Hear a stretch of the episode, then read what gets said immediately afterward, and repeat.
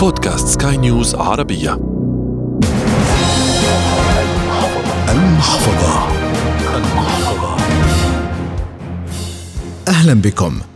من فترة وجيزة بدأ صديق لي قضى أكثر من عشرة أعوام من عمره مغتربا بتجهيز حقائبه عائدا إلى بلده. وخلال التحدث سويا بدا محتارا جدا حول كيفية امتلاكه لمنزل. هل يشتري شقة جاهزة أم منزلا مستقلا؟ أم يشرع ببناء منزل وهو يشرف عليه؟ أم يكلف شركة لبنائه؟ وهدفه الأكبر كان الطريقة التي توفر عليه النقود في النهاية. كل هذه الأفكار ستمر على كل من ينوي أن يشتري منزلا يغنيه عن سؤال ملاك العقارات عن الأجرة الشهرية. لمنزل لن يكون يوما له وكل ما يدفع في إيجاره سيذهب أدراج الرياح في هذه الحلقة من المحفظة والتي تأتيكم عبر منصات بودكاست كاي نيوز عربية معي أنا أحمد الآغا. نستضيف الاستشاري المهندس إيهاب القصراوي. مهندس إيهاب بداية السؤال الأبرز والذي يتداول كثيرا من قبل من يريد أن يمتلك منزلا.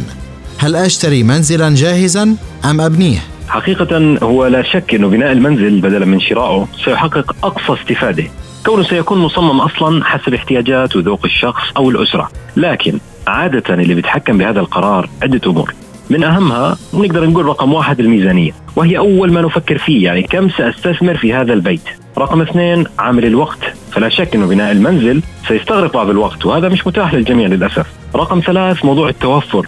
بعض المناطق لن تجد فيها أصلا مكان مناسب للبناء مثل المدن المكتظه مثلا. فقد تلجأ للشراء في هذه الحالة.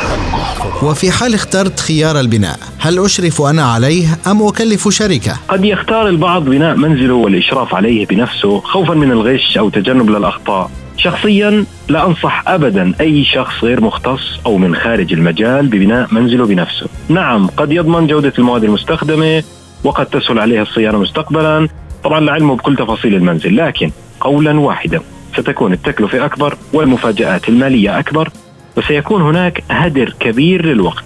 أفضل حل أو خيار هو اللجوء إلى مكتب استشاري متخصص وثقة ولا يمنع أنه يكون المالك متابع لكل مراحل البناء لكن راح يكون المجهود أقل وبدون هدر للوقت والمال.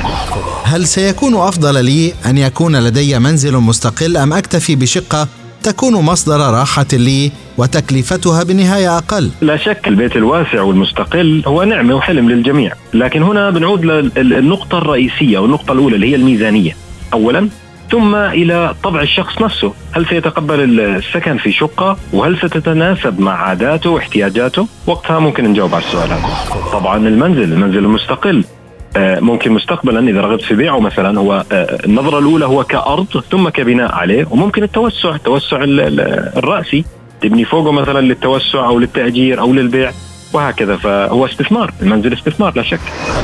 وحول كيفية التوفير في البناء نستضيف المهندس المدني والمختص في ضبط الجودة وهندسة المواد الإنشائية بدر أبو ستة. مهندس بدر كيف من الممكن أن نوفر النقود عند بناء المنزل؟ يجب التوضيح بأن هنالك بندين مهمين لأي مالك بتوجه لبناء منزله أو مشروع استثماري وهم تكلفة الإنشاء ومصاريف التشغيل اللي بتتبع الإنشاء. بالنسبة لتكلفة الإنشاء في مجال اختصاصي في عندنا مفهومين الجودة والمواصفة وهم مفهومين مختلفين عن بعض.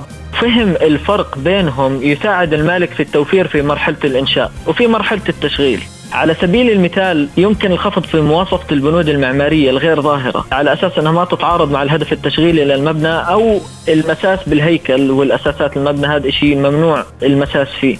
مثلا استبدال الواجهات الخارجية للجزء الخلفي من المنزل في بالعامية بتنحكى الإقصار التقليدية والدهان بدل من الواجهات الحجرية إضافة على ذلك الاختيار لمواد البناء بناء على العمر الافتراضي المطلوب منها لأنه استخدام المواصفة أكثر من المواصفة المطلوبة هو هدر للمال يعتبر. وبالنسبة للجودة قال المهندس بدر أبو ستة إنها تتلخص في تحقيق متطلبات المالك والجهات الرقابية. الجودة هي تحقيق المواصفة المطلوبة من المالك أو مؤسسات الدولة مثل الدفاع المدني والبلدية حتى وإن كانت المواصفة هاي منخفضة. المواصفة أنت اللي بتحددها. تحقيقها بشكل كامل يعني الوصول للجودة العالية. أي تباين عن المواصفات باستخدام مواصفة أقل أو أعلى مما يزيد من التكلفة هو يعتبر فشل في الجودة سيدي الجودة بتعتمد بشكل رئيسي على اختيارك للمقاول والاستشاري المناسبين وليس الأقل سعرا. عندك يعني تحقيق الجودة العالية بيتمحور حول تحقيق الديمومة للأنظمة لعدد السنوات المطلوب منها أنها تستدام فيها. على سبيل المثال وهي من أهم الأنظمة اللي تكون جودتها عالية. الأنظمة الصحية من صرف وتمديد أنابيب مياه أو أنظمة التكييف والتهوية. الأنظمة الكهربائية والعزل المائي للأسطح. يجب أن يتم تنفيذهم بأعلى مواصفة وأدق جودة لأنه تكلفة صيانتها أو إعادة تنفيذها مرتفعة جدا. وعن بعض الأمور والإجراءات التي يجب أن تؤخذ بالحسبان قبل الإنشاء وستوفر الكثير من النقود. أجاب المهندس بدر أبو ستة. هلا بالنسبة لمصاريف التشغيل بيتم تحديدها من مرحلة الإنشاء بشكل يعني توقعي. في العديد من الأنظمة اللي بتوفر باستهلاك الكهرباء وبتأسس لها في مرحلة الإنشاء منها وهي جدا مهمة العزل الحراري للجدران الخارجية وأسطح الأبنية. بحيث أنه بعض الأنظمة بوصل الخفض في الانتقال الحراري فيها من 60 ل 70% من انتقال الحرارة من برا المبنى لجوا وهذا الشيء بينعكس على توفير في استهلاك نظام التكييف للكهرباء ما يقارب 40% بالإضافة لأنظمة توليد الكهرباء من الطاقة الشمسية و... و...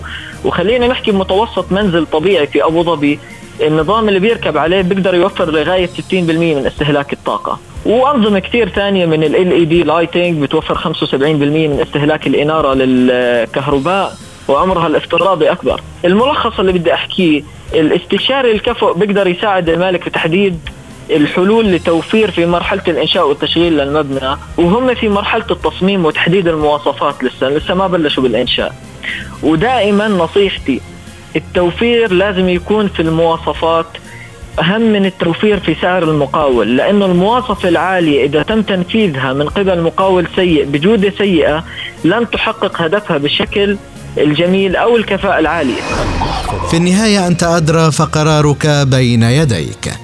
إلى هنا تنتهي هذه الحلقة من المحفظة والتي أتتكم عبر منصة بودكاست سكاي نيوز عربية على أبل وجوجل وسبوتيفاي. تقبلوا تحيات أحمد الآغا من الإعداد والتقديم وغسان أبو مريم من الإخراج الإذاعي. دمتم بخير. إلى اللقاء. المحفظة.